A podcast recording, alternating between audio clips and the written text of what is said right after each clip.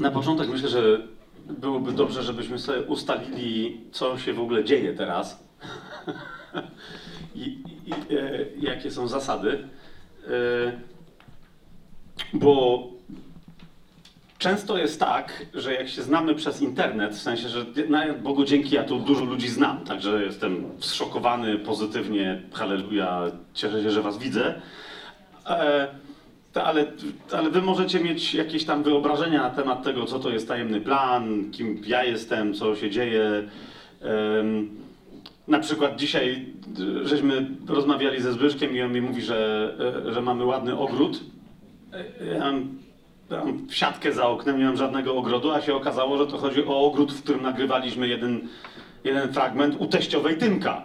Ona ma ładny ogród, a ja, ja nie mam. A to, że się to znalazło na tajemnym planie, to ja na to poradzę?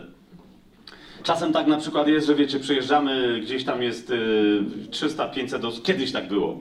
E, jest jakiś pulpit dla mówcy i tak dalej, a, a e, jak ja miałem wchodzić, to mi wnosili stół i krzesełko. Bo nie? E, No bo, no bo przecież to jest to dokładnie jak ja robię. Tak, no jak ja siedzę z parunastoma osobami i studiujemy Biblię, e, wiesz o co mi chodzi, przez 5 godzin, siedzę przy stole, e, gdzieś tam w domu, bo takie są nagrania. Natomiast, natomiast to jest inny kontekst. I teraz, dlaczego o tym mówię? Żebyśmy zrozumieli, że to jest inny kontekst. Bo już nawet jak my mówimy, jeśli zadajemy sobie pytanie Kościół, ale jaki, to jedno z moich takich fundamentalnych pytań, e, bo od jakiegoś czasu my się w ogóle nigdzie nie spotykamy na takich spotkaniach. Teraz byliśmy w Austrii na specjalne zaproszenie Reinharda, który mnie poprosił, żeby razem z nim głosić. E, e, do 450 Austriaków, Niemców i tam jakichś innych e, ludzi to było takie duże zgromadzenie. Ale nawet tam ja jemu zapytałem, po co, ale po co my mamy. Ja mogę coś nagrać, niech sobie ludzie w internecie obejrzą.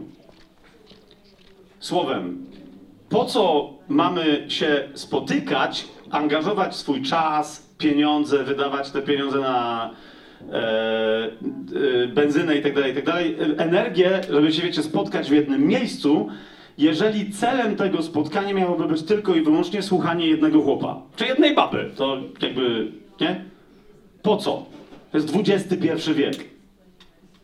Jeżeli celem spotykania się ludzi, którzy się chcą nazywać kościołem, jest, żeby kogoś wysłuchać, to z całym szacunkiem, ale Biblia nas uczy, że błogosławiony to jest ten, kto dba o swoje zasoby i kto ich nie roztrwania, a więc w takim razie niech ten, co ma coś do powiedzenia, niech coś powie, a reszta niech go wysłucha wysłucha w internecie. Jak się mają spotkać, żeby go wysłuchać, to jest nonsens. Ja wiem, że niektórzy z Was nie spodziewali się, że od razu w pierwszych paru zdaniach zacznę od jakiegoś takiego hardkoru, ale to nawet jeszcze nie jest żaden hardcore. Hardcore dzisiaj jest taki. Podszedł tutaj do mnie jeden brat, który był na jednym z naszych spotkań, które nawet te spotkania się w Krakowie skończyły. Yy, I tam wtedy padło proroctwo, że jest tutaj pomiędzy nami osoba, która, e, którą Pan już, już zaprasza do wyjścia z kościoła instytucjonalnego. E, Ja nawet nie wiem, czy ja czasem tego proroctwa nie mówiłem, e, ale w każdym razie jak ja myślałem, że chodzi o kogoś z kościoła katolickiego, tak jak tutaj jest trochę osób. On jest z kościoła instytucjonalnego, z innego niż katolicki. Ale właśnie przyszedł i mówi, że wszystko się sprawdziło, właśnie już jest na kompletnym wylocie. E, wszystkich z Was, którzy tu reprezentują kościoły warszawskie albo nawet ten tu lokalny, e, nawet Was nie przepraszam, jak, jak po tym naszym spotkaniu ten kościół zamkniecie. No nie, e, e, nie wiem, czy tłumaczysz to Nathanowi, ale...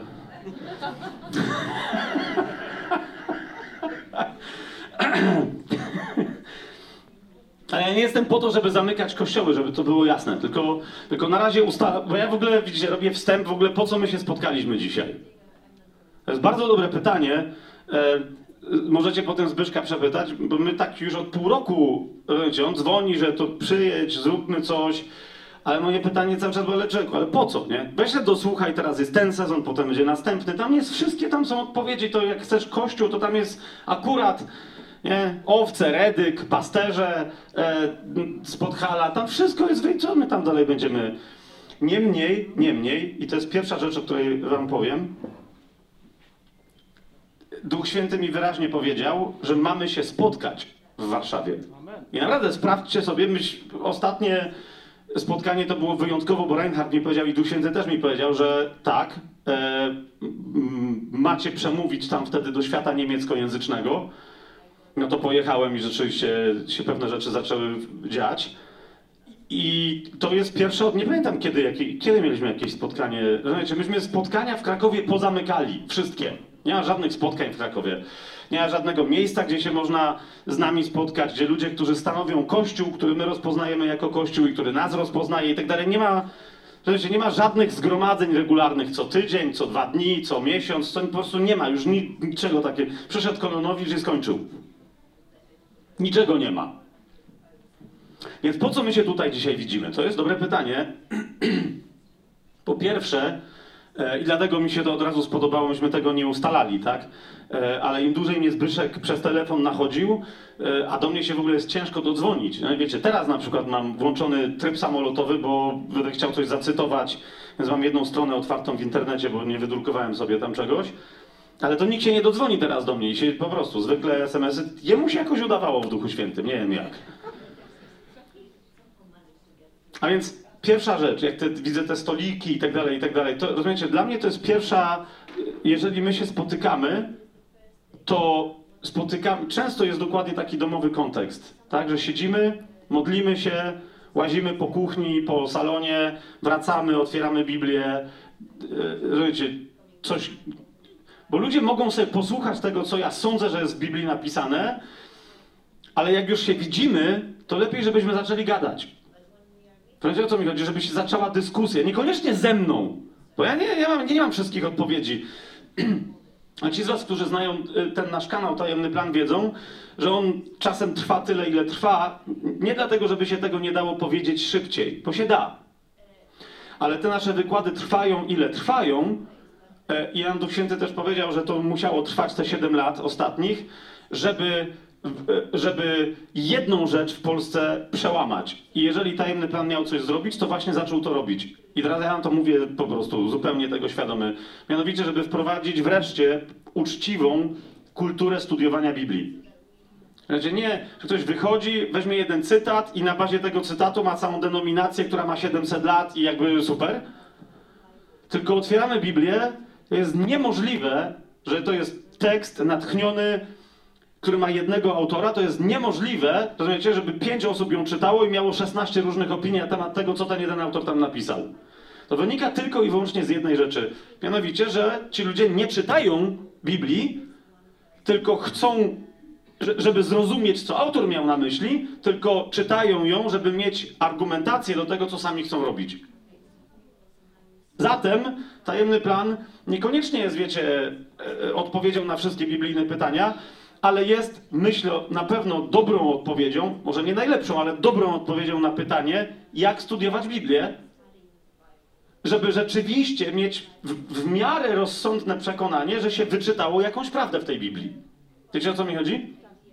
I dzisiaj my też, ja zapraszam Was do tego, żebyśmy dzisiaj też coś takiego zrobili. Nie?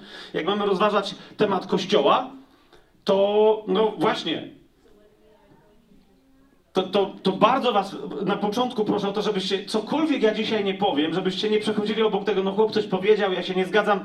Możesz się nie zgadzać z wszystkim, tylko idzie mi o to, żebyśmy weszli w dialog, niekoniecznie ze mną, rozmawiaj z kim chcesz, ale wiecie, dialog, który będzie odpowiedzią naprawdę na pytanie, co Pan ma na myśli, kiedy do nas mówi przez swoje słowo, w swoim duchu, kiedy do nas przemawia. Żebyśmy choćby, wiecie, tego się nauczyli. Zwłaszcza, że gdy chodzi o Kościół, może dzisiaj niektórzy z Was tym będą troszeczkę zaskoczeni. Ja się chyba już z 5 lat noszę z zamiarem, żeby nagrać krótki film.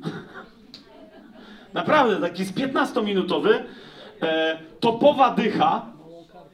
10 najpopularniejszych, najsławniejszych wyrazów, które wszyscy myślą, że definiują chrześcijaństwo, że one pochodzą z Biblii, a są kompletnie niebiblijne. Nie? Jednym z tych wyrazów, tylko on walczy z jeszcze innym wyrazem, jednym z tych wyrazów jest wyraz Kościół. W takim sensie, jak my go dzisiaj rozumiemy, w takiej definicji, jak prawdopodobnie byśmy ją wyciągnęli od siebie nawzajem, takiego wyrazu, takiego słowa nie ma w Biblii. Rozumiecie? Nigdzie.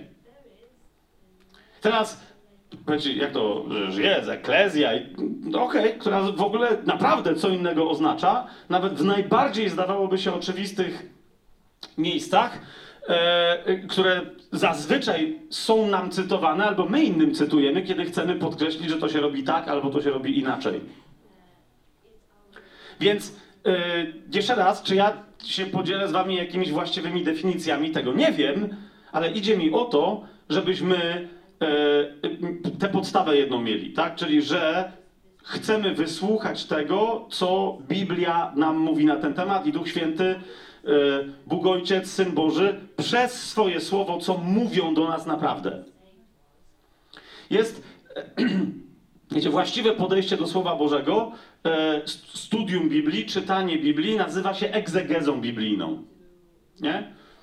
Teraz nie będę tłumaczył, co ten wyraz oznacza. Chodzi mi o to tylko, że to jest czytanie, w ramach którego szanujesz autora i nie wmawiasz mu, że on coś powiedział, tylko naprawdę chcesz wyczytać to, co on chciał powiedzieć.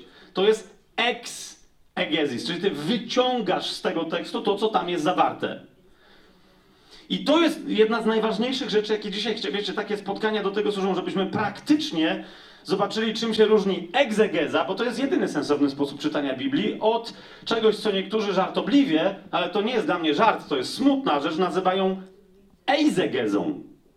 Czyli biorą, to, ludzie sobie biorą Biblię i zaczynają w Biblii wyczyty, w, wczytywać w nią rzeczy. Wczytywać w Biblię rzeczy. Jednym z takich klasycznych przykładów wczytywania w Biblię rzeczy jest, jest, jest, jest grzech, absolut prawie że na granicy grzechu przeciwko Duchowi Świętemu. E, Jest, jest grzech deformacji tego, e, czym jest nowe przymierze, w którym my wszyscy żyjemy. To znaczy, nowe przymierze, które Syn Boży zawarł e, ze swoim Ojcem w naszym imieniu, w nasze miejsce, tak że my, wchodząc w Niego, mamy pewność, że nigdy tego przymierza nie złamiemy, ponieważ On je gwarantuje. Amen? Teraz podstawą tego nowego przymierza jest co? Że skoro wszyscy jesteśmy jednym ciałem, to w nas nie ma rozróżnienia innego jak tylko relacyjne, dokładnie tak samo jak w Trójcy. To rozumiecie, Syn jest jeden Bóg. Nie, nie wiem, czy wiedzieliście o tym, że my jesteśmy monoteistami. Wiedzieliście o tym? Y, Wszyscy się uśmiechają, tak nie wiem, jak ja zadaję pytanie, to prawdopodobnie jest jakaś pułapka. E, no bo jest, no bo jest, bo zacznij w takim razie tłumaczyć bratu czy siostrze, który siedzi obok ciebie, czym w takim razie różni się ojciec od syna, skoro to jest jeden i ten sam Bóg. Prawda jest taka, że my jako chrześcijanie e, w większości, w praktyce wyznajemy trzech bogów. Nie jesteśmy monoteistami. Słuchajcie, nie ma, nie ma jasnego zrozumienia, że w momencie, kiedy syn jest w tobie, to i ojciec jest w tobie. Gdybyśmy byli monoteistami, to nie mielibyśmy problemu z Duchem Świętym. Rzeczy i dostaję co, co iluż jakieś pytania, a gdzie w Biblii ma w modlitwę do Ducha Świętego? Jeżeli Duch Święty masz tylko dowód na to, że to jest ten sam Bóg, co Ojciec i co Syn, rozumiesz, tylko On ma teraz inną funkcję na ziemi, to jak ty się możesz zastanawiać, czy się możesz modlić do Boga? Wiesz o co mi chodzi? A skąd się w takim razie biorą te, te czarujące i pociągające e, sekciarskie koncepcje, że, że, że Duch Święty to w ogóle nie jest osoba, to nie ma niczego wspólnego z Bogiem, a jak jest, to nie wolno się do Niego modlić, bo w Biblii nie... To dokładnie z tego wynika, że wprowadzamy rozróżnienie w bóstwie na trzy tak różne osoby, że to jest trzech różnych bogów. Ja pojęcie? Po, pomyśl teraz ty. Rozumiesz, je, jeżeli mówisz, że nie, ja jestem, ja wierzę w jednego Boga. Naprawdę? I masz dokładnie taką samą relację z Jezusem jak z Ojcem?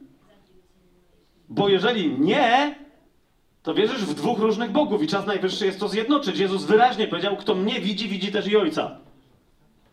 Ale jednocześnie powiedział, Ojciec jest większy ode mnie. No i masz. Ale dlatego właśnie, że wiecie, potrzebujemy z pokorą wreszcie w końcu podejść do Biblii i zapytać Słowa Bożego, jak ono nam wyjaśni zagwozdki, które my mamy. Musimy zacząć wreszcie zadawać właściwe pytania.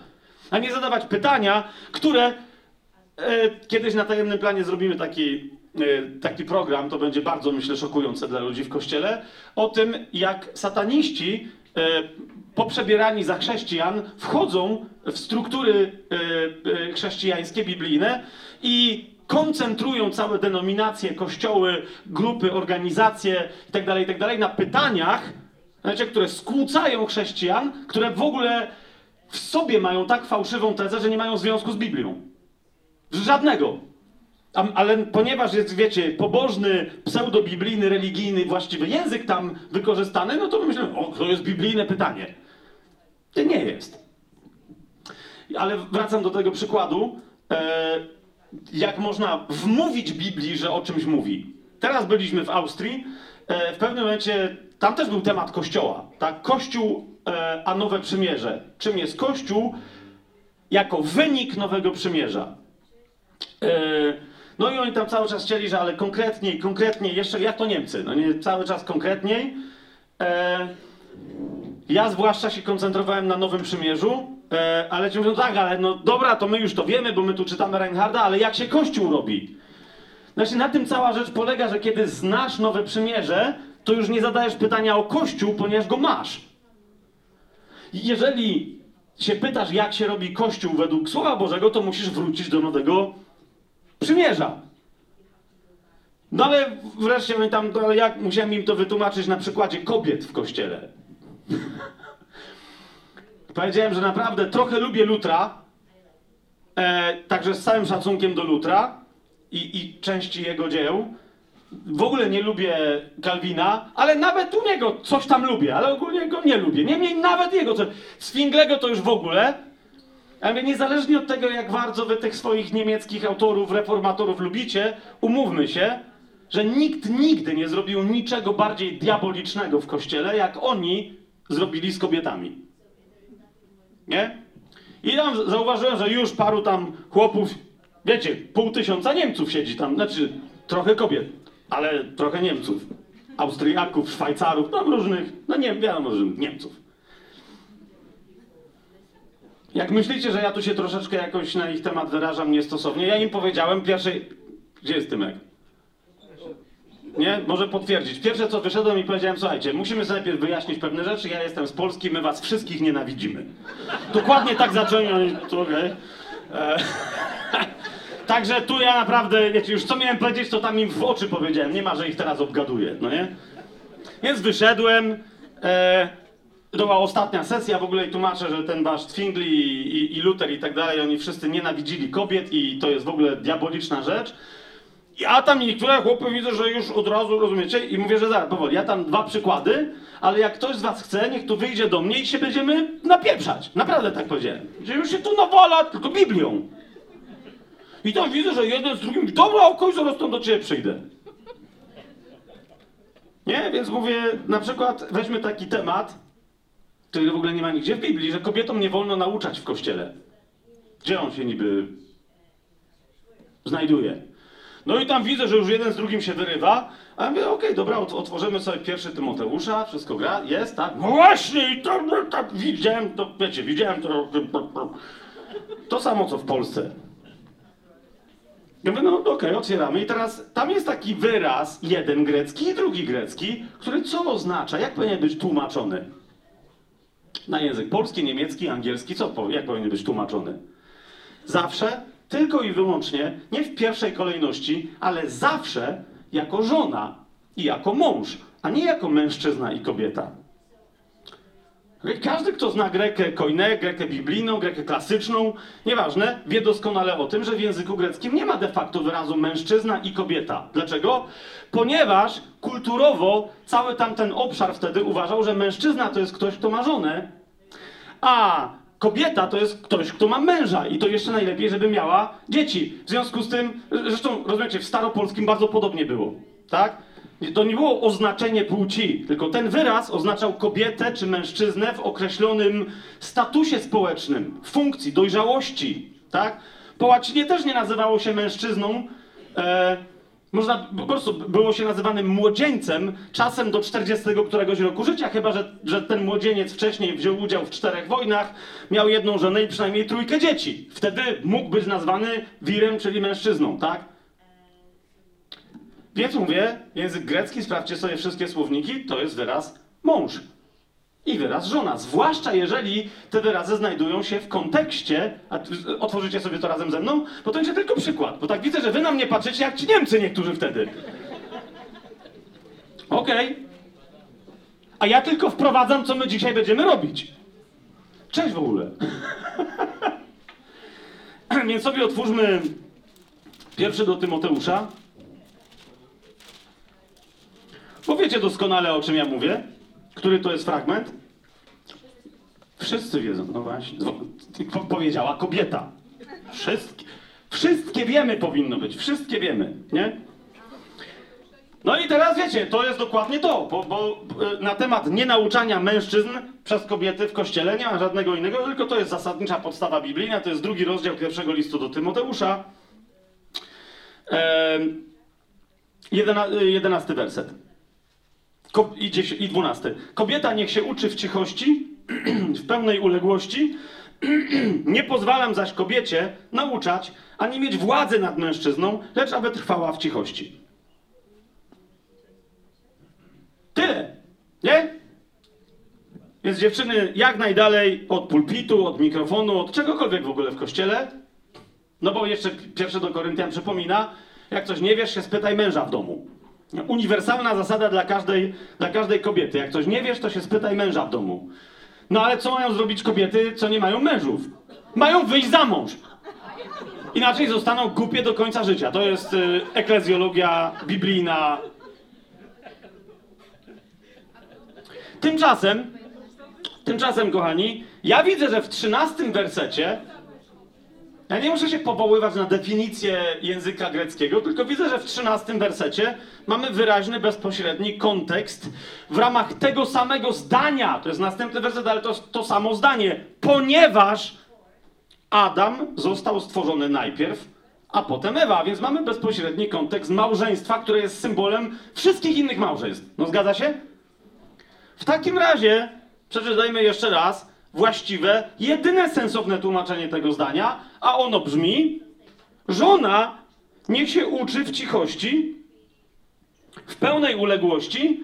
Nie pozwalam natomiast żonie nauczać swojego męża ani mieć nad nim władzy.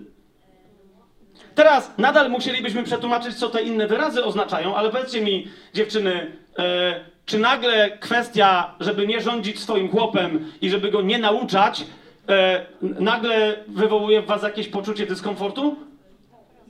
Troszkę, okej, bo trzeba tu wyjaśnić, co się tu dzieje. I zaraz wam powiem, co jeszcze z Niemcami żeśmy zrobili, bo to było przepiękne. Ale wie, wiecie o co mi chodzi? To jest dokładnie to. Jest dokładnie to. Nie, tutaj nie ma mowy o kobietach i o mężczyznach. To jest mowa o relacji wewnątrz małżeństwa, a nie w kościele czy w społeczeństwie. Natomiast powiedzieć wam, gdzie jest jeden z rzadkich momentów, gdzie należy ten wyraz przetłumaczyć nie jako żona, ale jako kobieta, ponieważ nie ma żadnego innego kontekstu, który by pozwalał posłużyć się tłumaczeniem żona. Otóż to jest rozdział dalej. to jest trzeci rozdział, który mówi o diakonach. Nie? Kto może zostać diakonem w kościele? I teraz zobaczcie, jedenasty werset, popatrzcie jaka tu jest, nie wiem jaką wy macie Biblię, jeżeli macie uczciwą Biblię, która zaznacza pochylonym drukiem słowa dodane do oryginalnego tekstu, to kto z was ma UBG? No bo ja mam UBG. To widzicie, że tu jest ich żony, ich jest dodane. Zgadza się? Także niech będą poważne i tak dalej, i tak dalej, i tak dalej. Nie, to zdanie jest kontynuacją wypowiedzi o diakonach, gdzie jest powiedziane, że diakoni w kościele mają być tacy, tacy, tacy, tacy, tacy i tacy. I to zdanie mówi, kobiety jako diakonise mają dokładnie te same warunki spełniać. Tylko, rozumiecie, tłumacz, do którego nie dotarło, że kobieta może cokolwiek robić w kościele, no prędzej by dostał zawału mózgu, niż by, rozumiecie, więc musiał wymyślić, że o co chodzi o ich żony. Czemu? Dlaczego? Nie ma takiej możliwości w ogóle biblijnej. Widzicie o co mi idzie?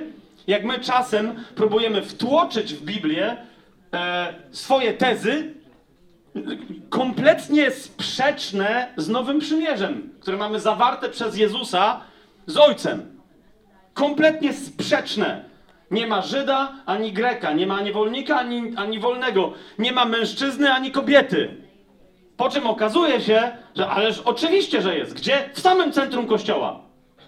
W samym środku. Wiele kobiet przychodziło do kościoła znacznie bardziej wolnych w normalnym życiu i, i nagle się dowiadywały, że muszą być zniewolone dokładnie tutaj. Serio? To jest wyższość nowego przymierza nad normalnymi społecznymi układami? Jak, jak my wtedy możemy głosić w ogóle jakąś dobrą nowinę, jak musimy koniecznie tego typu bzdury? Wiecie? Więc podałem ten przykład w Austrii, ale tam nadal widziałem, że niektóre tam chłopy się spinają. Ale Duch Święty mi wtedy powiedział i wtedy prawie, że zapoczątkowałem e, chrześcijańską e, antifę, manifę, nie wiem jak to się nazywa. W razie jakiś ciężki ruch, gwałtowną rewolucję feministyczną tam na miejscu, aż musiałem to trochę uspokoić. Bo ci, co się rwali po tym, jak to powiedziałem, ten przykład teraz drugi wam podam, to się przestali rwać, ale zauważyłem, że zwłaszcza żony niektórych zaczęły się rwać, żeby nie do mnie, tylko żeby ich lać. Nie, to jest Warszawa, to jest XXI wiek, wy macie nowoczesne, profesjonalne nauczania w Warszawie, to pewnie was to nie dotyczy. Ale może chociaż wiecie, co się dzieje na prowincji chrześcijańskiej, może wiecie, co się dzieje w innych. Chociaż w sumie Austria też profesjonalny kraj. Jak powiedziałem, że nie widzę podstaw, żebym miał się w ogóle kłaniać ideom, że jest więcej niż dwie płcie, to rozumiecie, że oni tam Więc zapytam, czekaj, ale naprawdę wy w Biblii widzicie jakąś trzecią płeć? I tam było takie, że człowieku, nie o to chodzi, tylko to się nagrywa, ty nie mów tego. To ja to rozumiesz, że widziałem to w oczach. Shut up, please! Mogą obcy ludzie siedzieć, my bierzemy udział w spotkaniu, na którym chłop gada, że jest tylko mężczyzna i kobieta, co ty robisz? A, rozumiem, ale następnie chcecie być śmiałymi świadkami Chrystusa, którzy oddadzą życie za świadczenie o tym, że jest zmartwychwstanie. Przecież to jest jeszcze bardziej idiotyczna idea niż tak, to, że są dwie płci, bo przecież wiemy, że jest 78 tysięcy. No ale w każdym razie, e, więc wy jesteście z Warszawy i okolic, to wy nie macie takich problemów, ale ja już się wielokrotnie zetknąłem z problemem, e, wiecie, od którego kobiety musiały być, wręcz modliliśmy się o uzdrowienie i uwolnienie i tak dalej, i tak dalej, ponieważ okazało się, że jest masa nauczania w kościele, które robi z żon seksualne niewolnice. I nawet jak z nich nie robi, bo one mówią, że nie, niemożliwe, żeby to było napisane w Biblii, to muszą się kobiety zmagać wewnętrznie, bo przecież nauczanie mówi, że to jest napisane w Biblii. I okazało się, że sala cała, która się boi, jak ja mówię, że są tylko mężczyzna i kobieta, że nie, my tu jesteśmy otwarci, jest multikulti niemieckie, wszystko jest ogólnie, rozumiecie? Nagle się okazało, że owszem, na to jesteśmy otwarci, ale że nauczanie na ten temat, że po prostu żona dla męża y, w sypialni jest nałożnicą, jest po prostu jest, to jest normalne nauczanie. No jak to? No jak? Po prostu przychodzi chłop, kładź się, e, tyle, nie? No i znowu tam jeden z drugim się wyrwał, że jak mówię, jest takie nauczanie w Biblii, wiem gdzie, jest jeden werset, U, uwielbiam go. Otwórzcie go sobie razem ze mną, żebyście zobaczyli, drugie, co my będziemy, bo my za chwilę to będziemy robić z kościołem, no nie, więc jak coś, to jest przerwa i możecie angielskim wyjściem opuścić terytorium. To jest pierwsze do Koryntian, siódmy rozdział.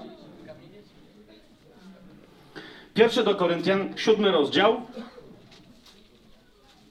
I całe nauczanie na temat tego, jak żona ma być posłuszna w łóżku mężowi, po prostu chcę, proszę bardzo, bajtki w dół, nogi, okej.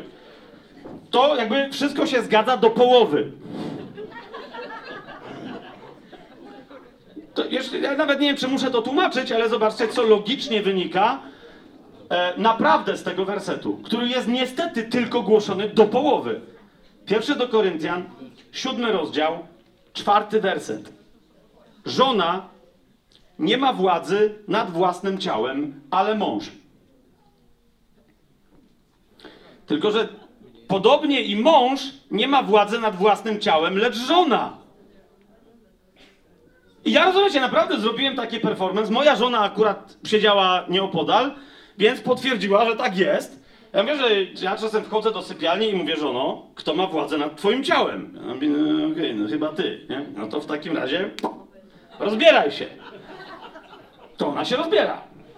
Nie, to w takim razie kładź się na łóżku. To ona się kładzie. I ja wtedy, a ona mówi, zaraz, ale kto ma władzę nad twoim ciałem? Zawsze z niejaką przykrością przypominam sobie, że mówię, no dobra, chyba ty. Nie nam wino, to ty też się rozbieraj. To ja też się rozbieram. I teraz stań w kącie i patrz, jak ładnie wyglądam.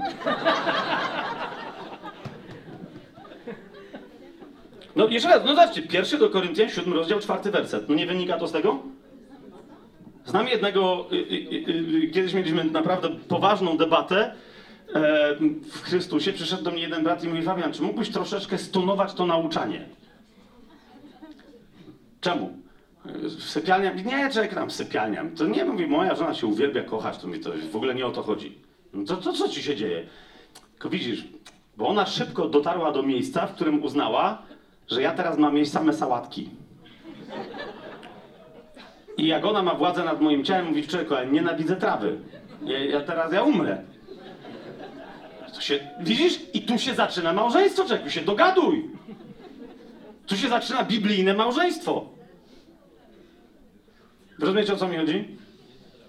Niektórzy nadal nie wiedzą, co się dzieje. Co to ma wspólnego z Kościołem? Małżeństwo ma wiele wspólnego z Kościołem, ponieważ małżeństwo, więc nie bez przyczyny się tymi przykładami posłużyłem. Na razie tylko powiedziałem, posłużyłem się nimi, żeby wam pokazać, jak Biblię mamy czytać. Żeby z niej nie wyczytywać rzeczy, które tam nie są napisane. Nigdy nie były.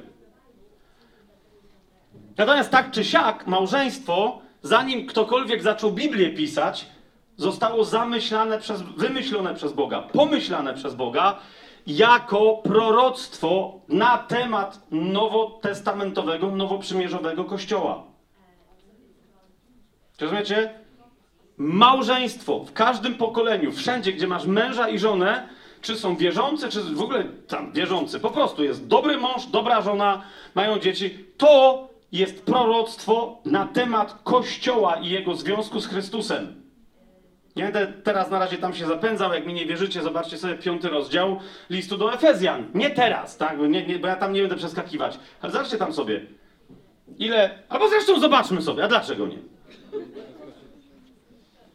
Żeby było jasne, o czym mówię. Nie? Bo to jest, na, to jest następny fragment, w ramach którego e, się wyciąga w ogóle z kontekstu e, całego jakieś tam rzeczy. Na przykład piąty rozdział, 22 werset. Żony bądźcie poddane swoim mężom jak Panu. Nie? Halleluja! Ale jak kto Panu, co znaczy? Tak? Ja- Jakiemu Panu? Panu Jezusowi. Jak kto? Jak Kościół mu jest poddany. Bo zauważcie dalej, w tym piątym rozdziale jest powiedziane 31 werset. To jest dokładnie wprost powiedziane, że małżeństwo jest proroctwem na temat nowoprzymierzowego Kościoła. Cytuję tutaj Paweł e, Księgę Rodzaju i fragment, na bazie którego wszystkie małżeństwa, jakkolwiek związane z Biblią, zawsze były zawierane. Ten fragment, który najpierw oryginalnie był powiedziany o Adamie i o Ewie, dlatego opuści człowiek swojego ojca i matkę i połączy się ze swoją żoną i będą dwoje jednym ciałem. Zobaczcie 32 werset.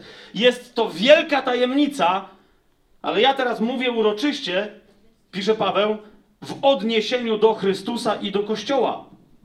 A więc punktem wyjścia jest Kościół, relacja Chrystusa z Kościołem i na przykładzie właściwej, zdrowej relacji Chrystusa z Kościołem my mamy kształtować nasze małżeństwa, a nie wymyślać jakieś teoryjki znowu.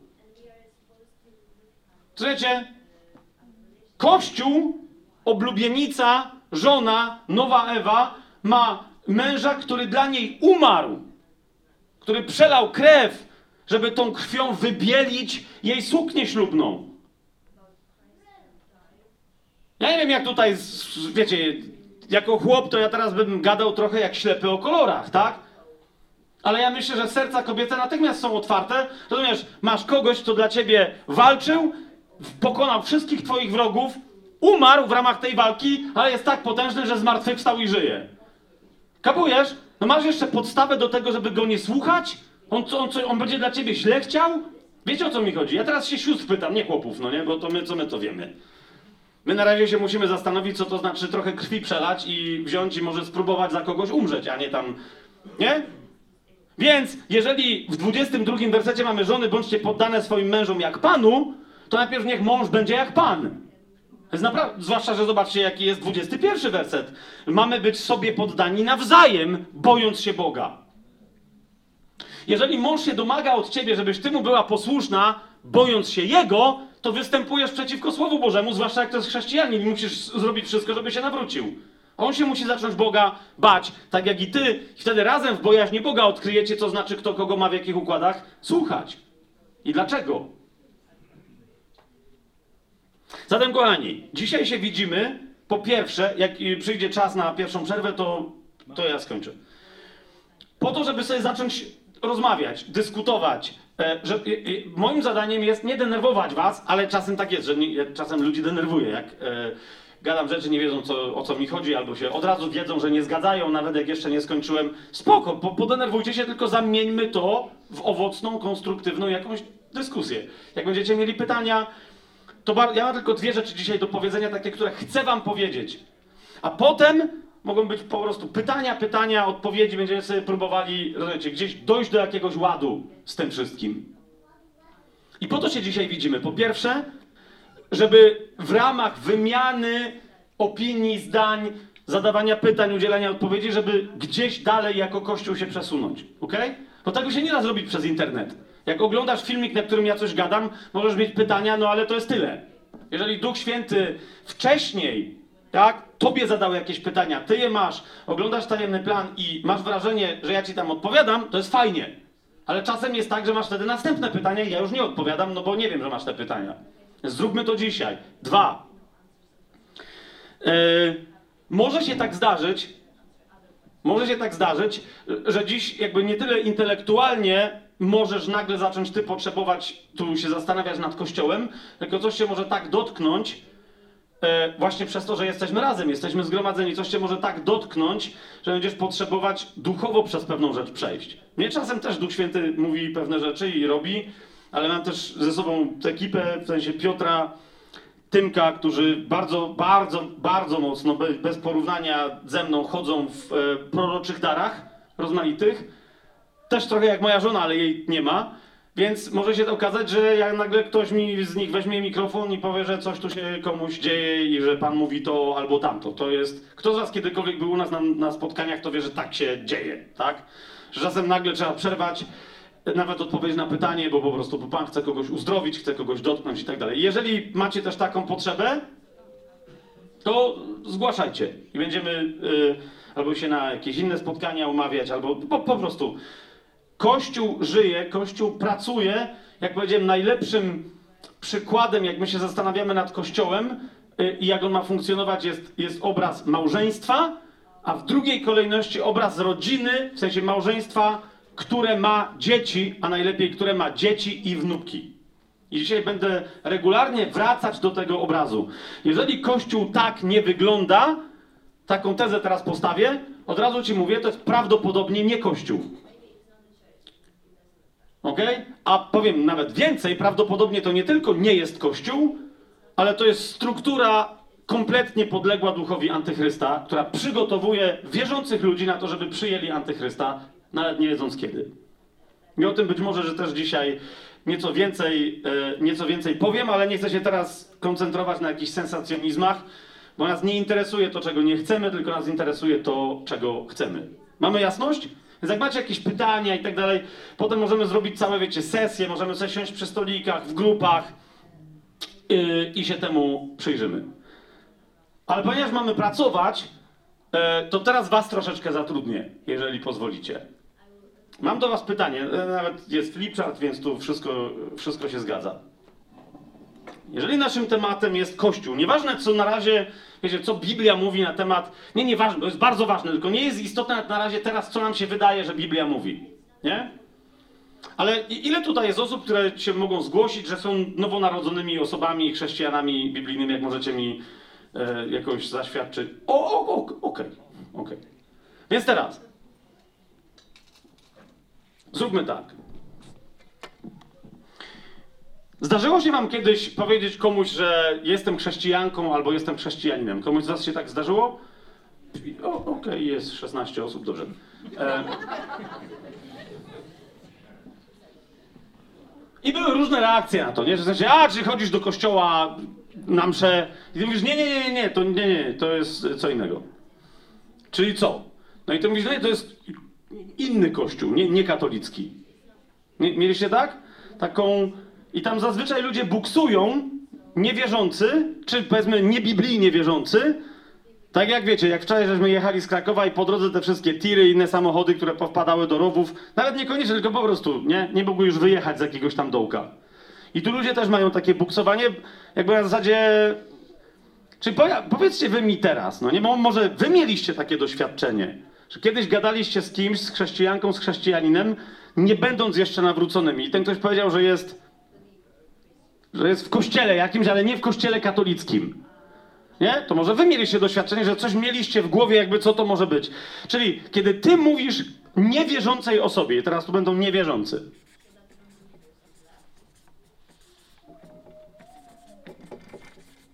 Niewierzący tu są po lewej stronie, tak? Ty mówisz Kościół, powiedzcie mi, z czym, co ta osoba ma, jakie ma skojarzenia w głowie? Co ona sobie wyobraża, kiedy słyszy od ciebie, że ty jesteś w kościele jakimś, że chodzisz do jakiegoś kościoła, że... Co ta osoba ma, jakie ma skojarzenia pierwsze? Albo może jakie ty miałaś, czy miałeś pierwsze skojarzenia? Co jeszcze? Sekta. Okej, dobra. Ale nie, bo sekta to jest też y, jakby takie szerokie, że sekta, że świadkowie Jehowy, dobra, okej, ale, ale konkretnie, no jak ktoś mówi, że sekta, ale co, co ta osoba myśli, że co ty robisz w życiu? O to mi chodzi, że jesteś w, tym, w tej sekcie, w tym kościele i... Nie, okej, ale że co ty robisz, jak jesteś zwiedziony i... Budynek, okej, dobra, budynek. Jest, dobra. Czyli jest jakiś budynek, do którego się chodzi. Sala Królestwa, e, zbór, trzeci zbór baptystów w Krakowie i tak dalej. Okej, dobra. Jeszcze? Pieniądze. Okej, dobra, pieniądze. No, no tak, oni muszą pieniądze wyciągać od kogoś i ty albo też wyciągasz, albo jesteś pożytecznym idiotą i pozwalasz tamtym wyciągać. Doskonale. Rytuały, to oczywiście, do, dokładnie, rytuały. Aha. Manipulacja, ale ta manipulacja na czym polegająca? Okej, czyli ktoś in, trzeba słuchać kogoś innego, tak? Okej, nazwiemy to autorytetem, o, wiecie o co mi chodzi, manipulacyjnym, okej. Autorytet, hierarchia, dobra. Hierarchia, organizacja, dobra. Co jeszcze? Zasady. Kobietom nie wolno. No właśnie, tak. Zasady. Dobre, dobre, dobre. No, no, no. Sakramenty też, no, to, czyli e, nie należy to czasem do rytuałów? Że taka magia, a, okej, okej, coś tam trzeba, musi coś być zrobione, nie? Kler. To, to coś innego niż hierarchia? Ale dobra, to piszę, dlaczego nie? Kler. Zawsze jest pytanie. Czy wierzymy w i? Czyli dogmaty. Dobre. Ale ci niewierzący ludzie mają wizję kościoła. Dobra. niepewność no to, ale to, to już jest trochę złożone. Dobra, wystarczy. Teraz, okej.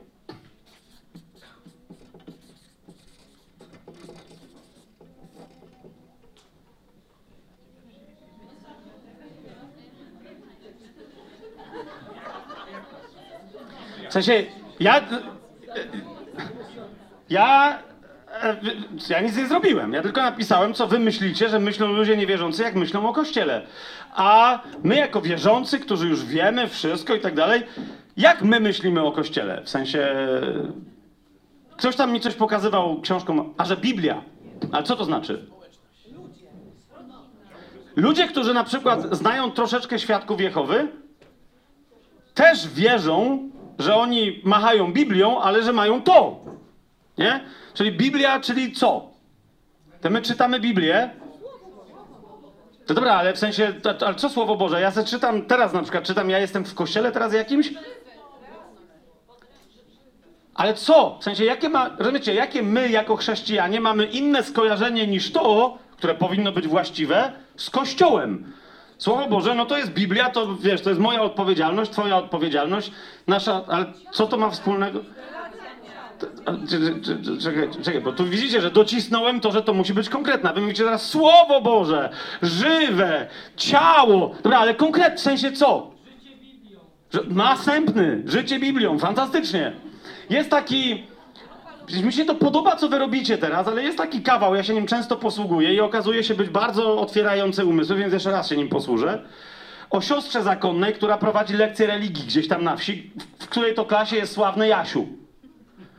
I ona miała robić lek- lekcję religii na temat stworzenia. Że Bóg jest stworzycielem i wszystko pięknie stworzył, ale po drodze nic innego nie znalazła, tylko drżownicę, więc zawsze coś, rusza się, jest zwierzę. Przyniosła i mówi dzieci, żebyśmy zaczęli dzisiaj całe, y, y, całą le- lekcję religii. Powiedzcie mi najpierw, co to jest? Dzieci ze wsi, ale cisza. Ja mówię, no, przyjrzyjcie się, nie wiem, co nie widzicie, co to jest, nie? Dżdżownica normalnie i wszyscy cisza. Ja mówię, hej, naprawdę nie wiecie, co to jest? Jasiu tak delikatnie się zgłasza, mówi, siostro, na pierwszy rzut oka to jest dżdżownica, ale znając siostrę, to pewnie Jezus. W hardkorowej wersji jest znając siostrę, to pewnie Maryja, ale... em, żeby nikogo nie obrazić. To jest dokładnie teraz, zauważcie, zauważyliście już, co tu się wydarzyło? Nie, no bo niewierzący mają niewłaściwe zrozumienie, myślenie na temat Kościoła. Ale jak zaatakowałem, no to jak właściwie wierzący powinni myśleć, to nagle zaczęliście mi opowiadać, no siostro, na pierwszy rzut oka to jest drżownica, ale znając siostrę to pewnie Jezus. W sensie, co, życie Biblią... Co, zgła- jak się zgłaszasz, to nie, nie zgłasza się, to nie jest lekcja, to możesz mówić. Można i do niewierzących, i do wierzących jeszcze dać przykład. To do niewierzących znalezienie sobie sposobu na cel w życiu. O, a żeś teraz pojechała, ty jesteś studentką psychologii? Chrześcijańskiej na, na domiar złego? Znaleźć mhm, sposób. Możemy tak to skrócić, żeby to sposób na życie, na znalezienie sobie celu w życiu. No, sposób na życie. Wiecie, ja nie będę tego dalej rozwijał, żeby tu się nie, nie znęcać. Nad sobą wspólnota, relacja. Ale to wszystko jest tutaj. Ej. Powiedzcie mi, to jest złe skojarzenie? No teraz są wieże, tylko jeszcze raz. Całe, rozumiecie, całe to ćwiczenie miało dokładnie nam coś pokazać, no nie? Że my zawsze w nie, bo oni nie rozumieją, może właśnie niewierzący doskonale rozumieją, co my robimy, tylko my ich nie chcemy słuchać. Może właśnie, rozumiecie, może to jest właśnie sekret e, naszej nędzy w głoszeniu Ewangelii, ponieważ my nie mamy żadnej dobrej nowiny. Kiedyś Reinhard, pamiętam, powiedział, e, Reinhard Hirtler powiedział taką rzecz i ona pierwszy raz jak ją powiedział, to tam jakieś wstrząsy wywołała w kościele i tak dalej, a ja następnie on stwierdził potem, że się z tego wycofuje, nie, z, z- powtarzania tej rzeczy. A ja od tej pory ją regularnie powtarzam. Na czym polega nieskuteczność Kościoła dzisiaj w XXI wieku, zwłaszcza na Zachodzie? E, na, e, e, e, Okej, powiedz. Miałaś się nie zgłaszać. e,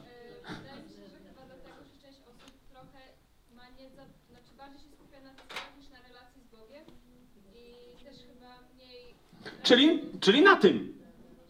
Na skonstruowaniu czegoś, niż na. I my cały czas gadamy ludziom, że relacja z Bogiem się liczy.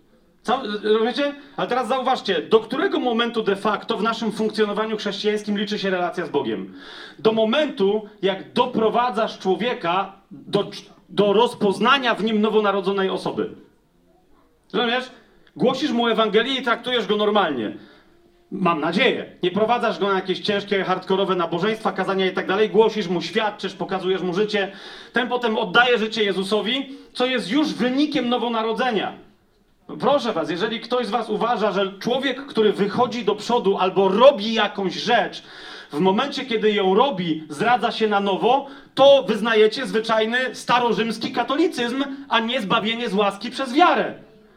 Zbawienie z łaski jest dlatego z łaski, a nie z uczynków, że jest z łaski. Jeżeli kogoś ma zbawić to, że wyjdzie do przodu i się pomodli przed Billym Grahamem, to jest zbawiony ze swojego uczynku. Z uczynku Billego Grahama i ze swojego, że wyszedł i się pomodlił. Nonsens. On ma wyjść do przodu dlatego, że już się nowo narodził w duchu, bo uwierzył Jezusowi. Nie? Ale to tak zupełnie na marginesie, bo nie mówimy teraz o ewangelizacji, tylko o kościele. Więc my traktujemy ludzi dobrze. W sensie nie, że dobrze, tylko po prostu dobrze, dobrze, biblijnie. Głosimy im Jezusa, tłumaczymy, rozmawiamy, spotykamy się, jest wszystko ok. Oni się potem rodzą na nowo. Gdzie się zaczyna problem? W momencie, kiedy przychodzą do kościoła. To jest dokładnie to, co powiedział Reinhardt i wszyscy się obruszyli, że on teraz rozwala kościół i tak dalej, i tak dalej, i tak dalej. Moja żona dzisiaj mi napisała e, informację. E, Okej, bo teraz będzie, że moją żonę obgaduję, ale niech będzie, co? Prorocy tak mają. Napisała mi z serduszkami, z całusami, napisała mi rozwal im kościół. I sama się tak przestraszyła tego, co napisała, jakby nie, rozumiecie, jakby niepewna, czy ja wiem, o co jej chodzi. Ja wiedziałem, o co jej chodzi, ale dopisała, w sensie, wiesz, te fałszywe koncepcje Kościoła w ich głowach. Wiem, no babo, no przecież wiem, no co mi tłumaczysz? Po, po co myśmy tu przyjechali? O co myśmy się modlili? Żeby, żeby, żebyśmy odkryli piękno oblubienicy. Znaczy, jeżeli dzisiaj ktoś z was wyjedzie stąd w zamieszaniu, w, w pytaniach i tak dalej, ale będzie mieć ten stan ducha, który teraz wam zacytuję, to osiągnęliśmy już swój cel. Ale jeszcze raz, rozumiecie? Ja tego nienawidzę. To od razu wam mówię. Dlaczego? Ponieważ zasadniczo to wszystko znajduje się też z tej strony, tylko nam się jest głupio przyznać, ale dokładnie to wszystko znajduje się tutaj. Tylko lepsze, dokładnie, bo, bo, bo my jako nowonarodzone osoby duchowe, które będą żyć wiecznie, przecież my nie możemy popełnić błędu, w związku z tym z tego zrobiliśmy koszmar. A teraz obczajcie, żadnej z tych rzeczy przez pierwsze wieki istnienia Kościoła nie było i na żadną z tych rzeczy nie znajdziemy ani pół wersetu biblijnego. Na żadną z tych rzeczy. Na żadną z tych rzeczy. Teraz ktoś powie, nie, no ale jak to? Przecież Paweł powiedział, że, e, że ma prawo, czy nie mam prawa być utrzymywany tak jak inni apostołowie, ale ja nie o tym mówię. Temat pieniędzy. Kapujecie? Ile, ile słyszeliście nauczaniach na te, e, nauczań na temat pieniędzy w kościele? Prawda? Są całe nabożeństwa. Teraz jeszcze raz, nie, y, ja wiem, że teraz, bo nie chcę, to jest mocno amerykański kościół, więc żeby nie było, ja dość szanuję Amerykanów, tak? Natan już poszedł, okej, dobra. E, Ale rozumiecie, to ja nie wiem zresztą, czy to jest amerykański obyczaj, czy jaki. Ale naprawdę trzeba robić osobne nauczanie przed zbieraniem pieniędzy? A po co w ogóle się zbiera pieniądze? W Biblii nie ma nauczania.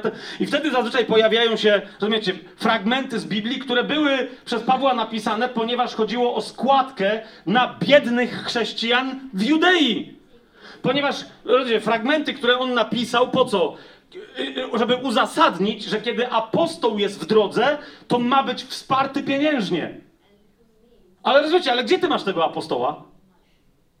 Teraz, dlaczego ktoś, kto, e, jak otworzycie sobie jedno z najstarszych źródeł pokazując, ja go dzisiaj nie będę cytować, mam drugie starożytne źródło, Zbyszka trochę przestraszyłem rano, bo mówię, że będę cytował Biblię, ale też zacytuję źródło pozabiblijne. Ja mówię, okej, okej. Jest dobrze, ale, ale jest takie, takie źródło, nazywa się Nauka dwunastu apostołów, albo Didache, możecie sobie znaleźć. I zobaczycie, tam jest, zobaczycie, przepis, jedno z najstarszych i to jeszcze takich e, mocno zjudaizowanych. To jest takie, ale okej, niech będzie, że to jest jedno z takich źródeł, świadków starożytnego kościoła. I co tam jest napisane? Jeżeli przyjdzie do was apostoł albo prorok, i zostaje pierwszego dnia, wesprzyjcie go, zobaczcie, czy tam, sprawdźcie w ogóle, czy to jest apostoł, ale wesprzyjcie go, zobaczcie, czy ma co jeść, pić i tak dalej, nie? I on potem wyrusza.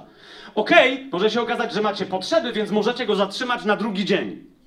Ale teraz uważajcie. Didache, z początek II wieku.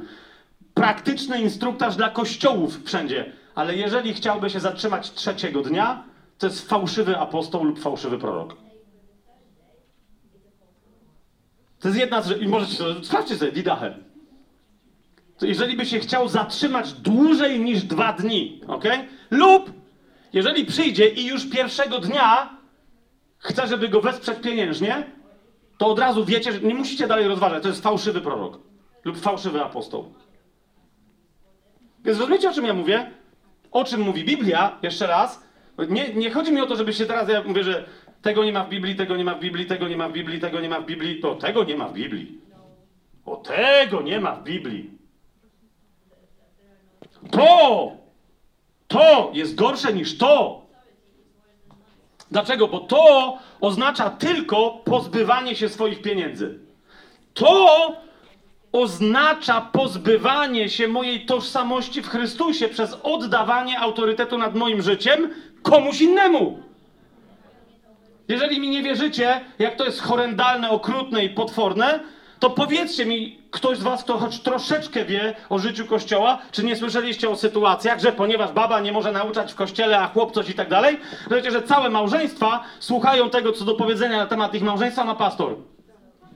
Teraz nie chodzi mi o to, żebym ja pastorów atakował, bo nie mówię, że wszędzie tak jest. Ale nie mówcie mi, że nie wiecie, że w wielu miejscach tak jest. Ustawiane małżeństwa, ustawianie w środku małżeństw, kto z kim, co ma, jak, rozumiecie, jak oni teraz mają ze sobą. Kim ty jesteś, żeby wchodzić pomiędzy oblubienicę i oblubieńca, skoro oni są jednym ciałem? Rozumiesz? Kim ty jesteś? Żeby wchodzić pomiędzy żonę a męża. Jaki ty masz autorytet? Rozumiesz? Jedyny, kto ma autorytet dla nich, to jest ten, kto z nich uczynił jedno ciało i to jest Bóg. Cokolwiek Bóg złączył, człowiek tego niech nie rozdziela. Amen?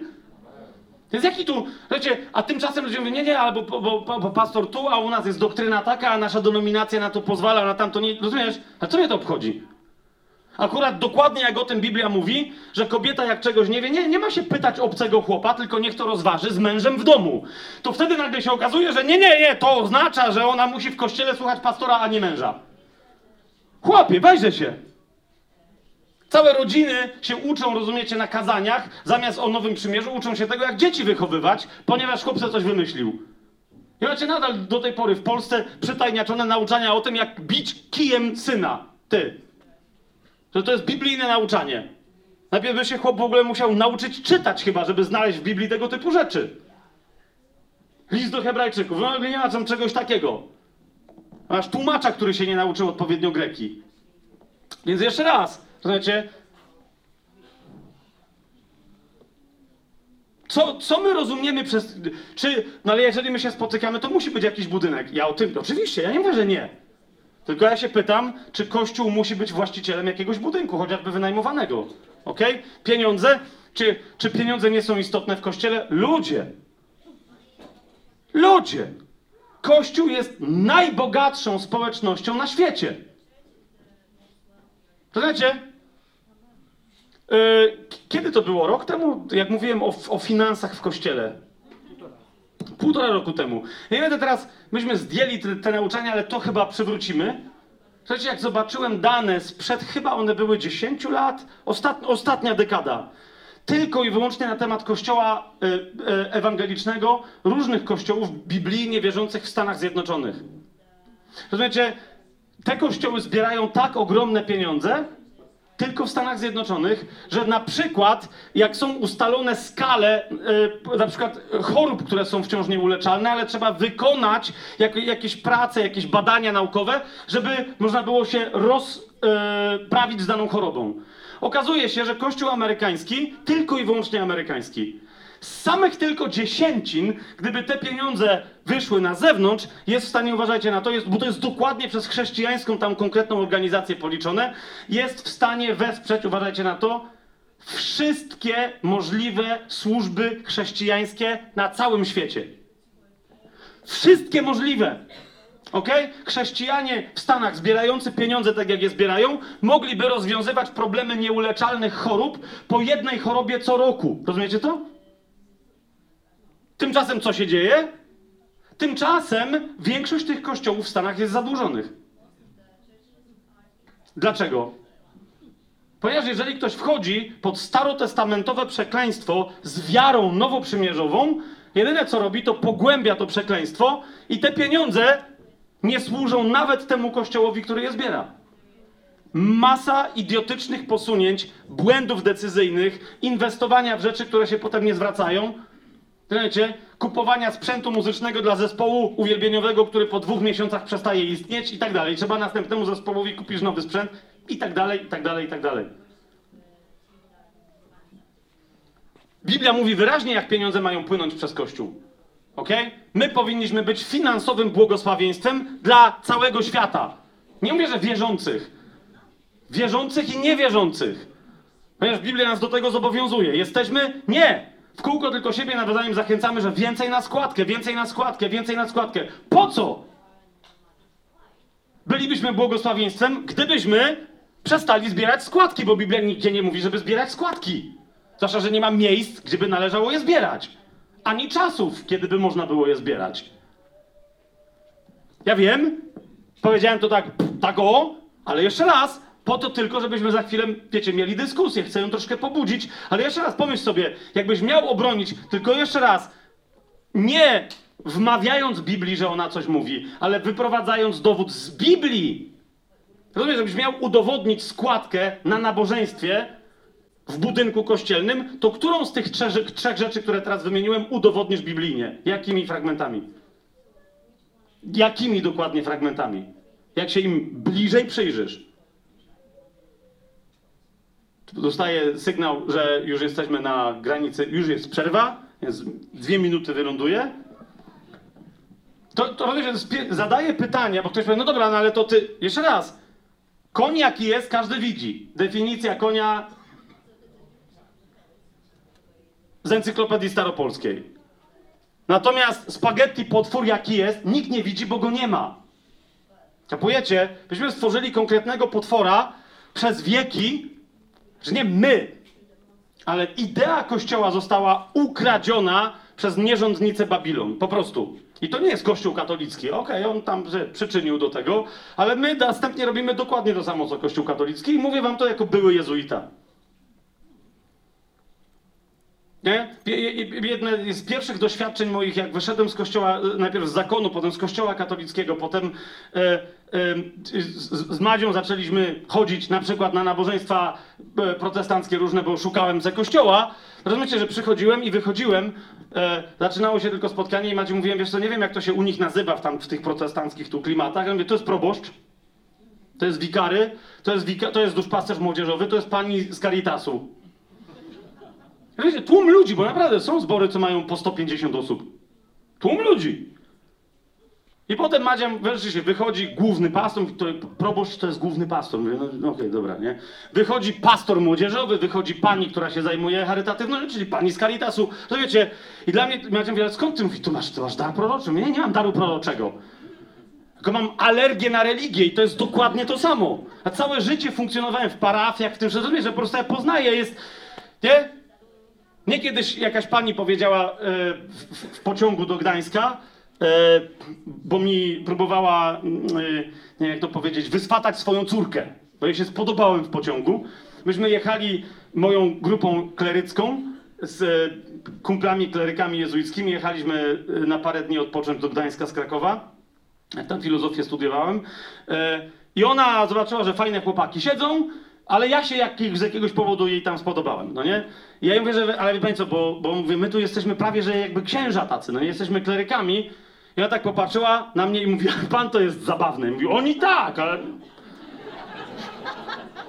Mówię, a co, jak to pani tu poznała? Ja mówię, dobra, mówię, nie obraźcie się panowie tam do, ca- do całej reszty powiedziałem, ale mówię, macie takie brewiarzowe gęby, że mówi, natomiast ten pan mówi, nie wmówi mi pan, że pan na księdza idzie. Brewiarzowa gęba, okej? No ale jest, rozumiesz, jest coś takiego w sposobie zachowania, funkcjonowania z innymi ludźmi, że Kler, no kto nie pamięta kto to powiedział, ale to jest dokładnie to. Znaczy, ty rozpoznajesz kogoś, kto ma po prostu pewien, pewne klerykalne nastawienie w społeczności i teraz...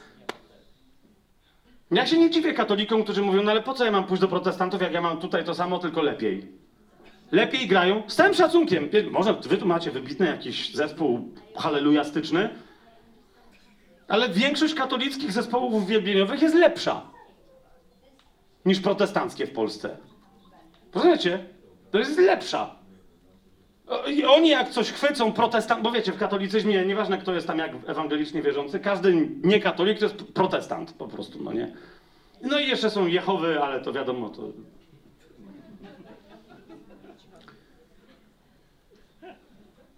Więc jak na przykład ludzie się ode mnie dowiadują, że ja nie mam normalnych protestanckich znamion, to mówią, a, czyli Jehowy.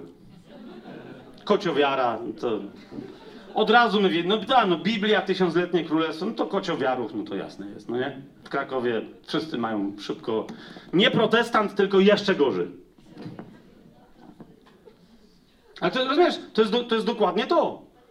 Je- Jedne z najgorszych rozmów nie są na temat doktryn Maryi, czegoś tam, tylko jest dokładnie to. Ale po co ja tam mam iść, jak to jest dokładnie to samo jak u nas? Lepiej. Że już nie wspomnę, już wiecie o tych wszystkich głupotach protestanckich, o utracalności zbawienia, o tych wszystkich tam historiach. Ilu ludzi się katuje, ale to już nawet nie chcę w to wchodzić, tylko rozumiecie, katolik uczciwie pójdzie, pochleje na weselu, żonę zdradzi, świnię zatłucze, co już była martwa, także nie był grzech, ale potem przychodzi do spowiedzi i mało, rozumiesz? To nie jest trwała łaska, ale przynajmniej doświadcza łaski. Tyle. Oni mówią, story, jakby nie było, wszystko w porządku. Potem tylko musisz pozałatwiać jeszcze, wiesz, w kwestii czyśćca odpusty, ale to jest, wiesz, Ojcze nasz, zdrowaś Mario, wierzę w Boga, we wszystkich świętych, w intencji Ojca Świętego. Ryb, wszystkie, rozumiesz, wszystkie kary czyścowe są odpuszczone. Zresztą jest lepsza wiara jak protestantyzm. Jest łask, to jest czyste doświadczenie łaski dla niektórych. A oni potem widzą, no fajna córucha była, chodziła na odnowę charyzmatyczną, no i potem gdzieś nawróciła się i teraz nie, siedzi tylko w kółko nad tą Biblią, męża się boi, o dziecko się boi, pastor... Ty widziałeś kiedy, żeby ktoś księdza w kościele katolickim tak słuchał, jak oni tych pastorów swoimi... Daj spokój, to nie ma wolności w ogóle żadnej. A ty wychodzisz, "Je- Jezus cię kocha, jasne, tak jak twój pastor, dziękuję bardzo. Nie, tak jak pastorowa, okej, no to może... Wolność w Chrystusie jaka? Taka? Serio? Wielu katolików, rozumiecie, jak się dowiaduje o dziesięcinie, mówią, to jest wolność? To człowieku, to ja już, ile ja tych pieniędzy oddaję państwu? Jeszcze tym 10%? Następnie od podatków? Jeszcze raz, ja tak trochę podziubałem, trochę pogrzebałem, trochę przeatakowałem. E, e, Po przerwie przedstawię wam dwa teksty. Ten jeden pozabiblijny, który jest szerokim opisem kościoła, ponieważ jeden starożytny autor z II wieku naszej ery, znaczy niedługo po tym, jak Biblia została, pisanie Biblii się skończyło, ten autor e, pisał do tam jakiegoś człowieka, żeby mu wyjaśnić, co to jest chrześcijaństwo, w tym, co to jest Kościół. Ciekaw jestem, ciekaw jestem, co na to, co na to powiecie, i potem sobie przeczytamy jeden fragment z Biblii, który będzie dokładnie nam pokaże, że to jest dokładnie to samo rozumienie, tylko jest pytanie, gdzie my jesteśmy, rozumiecie, wobec tych świadectw, świadectwa biblijnego, ale też świadectwa pierwszego kościoła, który był nieskażony przez organizacje religijne późniejszych wieków. Okej?